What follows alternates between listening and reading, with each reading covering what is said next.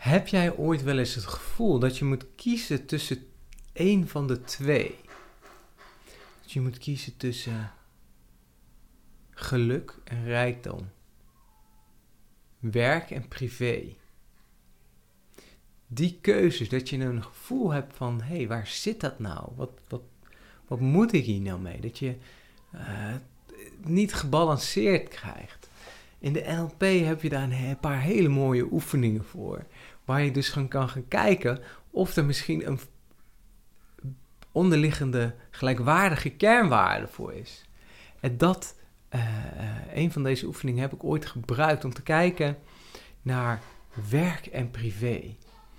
En ik vind dat een hele interessante, want vooral als ouder merk ik dat privé steeds belangrijker voor mij wordt. Ik vind uh, mijn werk leuk, maar ik vind het veel belangrijker om tijd te kunnen spenderen met mijn gezin.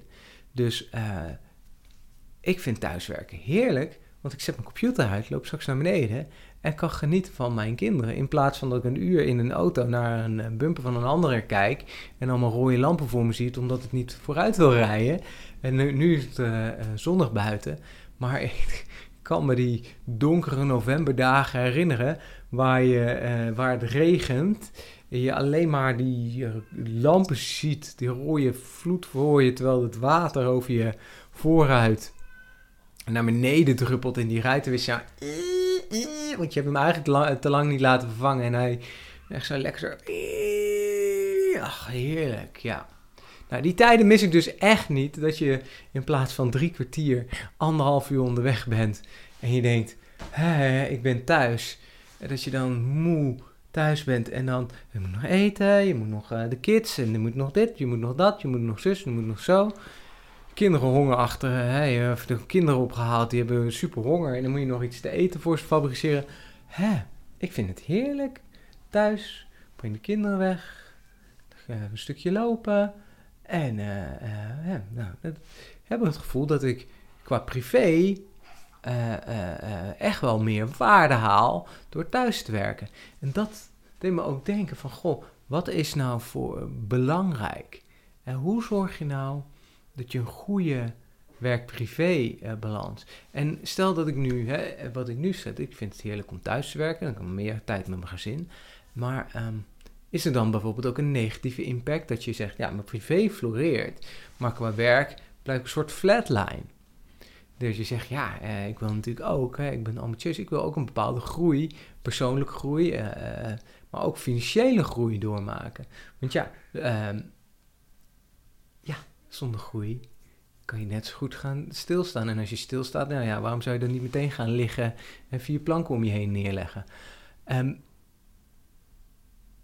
dat is misschien een beetje raar, maar ik, ik merk gewoon dat ik wil graag bij. Ik wil groeien in de kwaliteit met mijn gezin, maar ik wil ook groeien in mijn werk, in mijn carrière, in mijn ambities. En het voelt een beetje of dat twee verschillende kanten op gaat. En toen ging ik dus op zoek van wat is voor mij nou een samenliggend geheel. En in eerdere aflevering heb ik ook wel um, het gehad over geluk en over geluk halen uit je werk en passie halen uit je werk dat is denk ik ook wel uh, essentieel. Als je in eerste instantie uh, je privé beïnvloedt je werk en je werk beïnvloedt je privé. Dus stel dat je merkt, goh, uh, thuis gaat het niet zo lekker uh, en je vlucht naar je werk, dat is een optie, maar dan gaat het thuis steeds minder, totdat je ineens thuis komt en je te horen krijgt, nou, ehm, zo gaan we niet meer verder. dat gaat het je werk ook beïnvloeden. Terwijl misschien je werk je vlucht was. En dan kom je met een brommerig gevoel op je werk. Ja, uh, dat schiet niet op. Dus je wil een bepaalde balans hebben. Alleen, je wil eigenlijk niet dat het in balans is dat het gelijk blijft. Je wil dat het in balans is dat het allebei groeit. En dan mag het. Ja, en, en, en groei zo, twee kanten op, dat is heel zwaar. Dus je wil eigenlijk een soort synergie hebben. Dat het parallel aan elkaar een, eenzelfde groei doormaakt in een richting naar de persoon die wil zijn.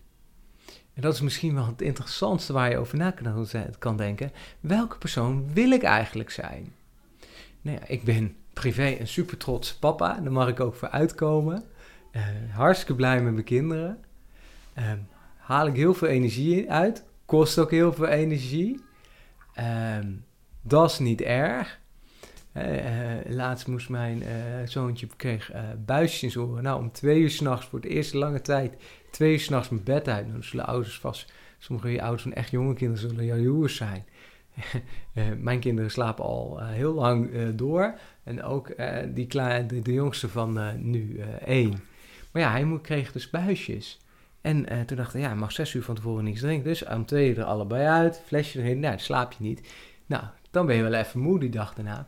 Maar goed, als je dan weer ziet wat voor blij ei het de volgende dag is. En uh, hoe, hoe, die de dag doorkomt. het is gewoon hartstikke mooi, hartstikke genieten. En ja, daar krijg ik dan weer, weer energie van, weet je. Daar leef ik echt van op. En, maar ja, je wil in je werk natuurlijk ook een bepaalde groei maken. En daar denk ik, dat, dat voelde voor mij een beetje als balanceren. Maar wat ik zelf merkte, op een gegeven moment zat ik niet zo lekker in mijn vel. En dat vertaalde echt kei en keihard naar mijn werk. Ik had het gevoel dat ik geen energie had. Uh, op het werk zag ik dan vooral ook de negatieve dingen. Daar heb ik het ook eerder over gehad.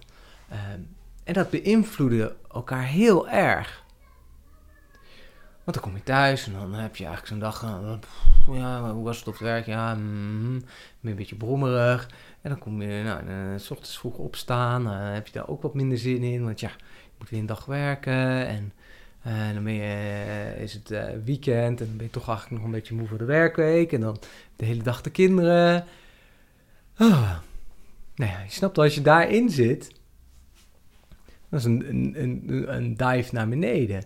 En uh, terwijl als je natuurlijk denkt, wauw, ik uh, mag weer tijd met mijn kinderen besteden en ik mag straks weer leuke dingen doen op het werk, uh, en dit, dat en dat doen. En ik merk dat zodra ik weer, hè, het is een beetje vallen en opstaan, wat dat betreft. Je valt, er, valt van je paard af, maar je klimt er weer op. En dat maakt een echte cowboy. Een echte cowboy valt is pas een cowboy als hij zeven keer van zijn paard is gevallen en opgestaan. Want iedereen weet, ja, als het lekker gaat, dan zit je lekker in de flow. En als je dan valt en je geeft op, dan was het niet voor jou. Maar als je valt en je stapt weer op en je gaat weer door, en je probeert er dan weer het beste van te maken, dat maakt het verschil. Dat maakt het verschil. En dat bedoel ik ook met die groei. En toen ben ik dus op zoek gegaan hè, van, ik ben ambitieus, ik wil uh, dingen in mijn carrière bereiken, maar ik wil eigenlijk niet mijn privé daarvoor opofferen. En ergens was er een overtuiging bij mij. Ja, dat kan niet allebei. Je kan niet allebei hebben. En nu geloof ik, je kan het allebei hebben. Je kan het allebei hebben en ik ga het allebei hebben. Want ik geloof dat zodra ik uh, positieve energie heb, goede energie heb, die energie kan ik omzetten in waarde voor een klant, maar ook in kwaliteitstijd voor mijn familie. En die energie dat is wat uh, voor beide, voor mij, de drijvende kracht is. Voor zowel privé als werk. Die positieve energie en die positieve drijf om het beste uit mezelf en uit anderen te halen. Nou, um, super interessant natuurlijk. Um, super interessant natuurlijk. Um, ondertussen, um, voor degene die de video kijken, denk ik, even wordt het donker. Um, er ging ineens een rolluik naar beneden. Ik weet ook niet waarom. Maar uh, dat gebeurt soms. En dat hoort er allemaal bij. Uh, daarom keek ik ook heel even warrig. Laten we gewoon lekker in de aflevering. Maakt het spontaan. Um, maar dat was dus voor mij ook wel een, een, een stap, weet je wel. Um, kijken van, hey, wat is nou de drijvende kracht achter beide? En ik kwam erachter die positieve energie, die positieve houding. En ik merk ook dat de periode dat ik me best voelde, dat beide floreerde. Dus, en ik kreeg dingen op mijn werk voor elkaar en ik kreeg dingen privé voor elkaar. En dat is denk ik het, het belangrijkste. Dat, uh, voor mij is er geen verschil. Het is één keuze.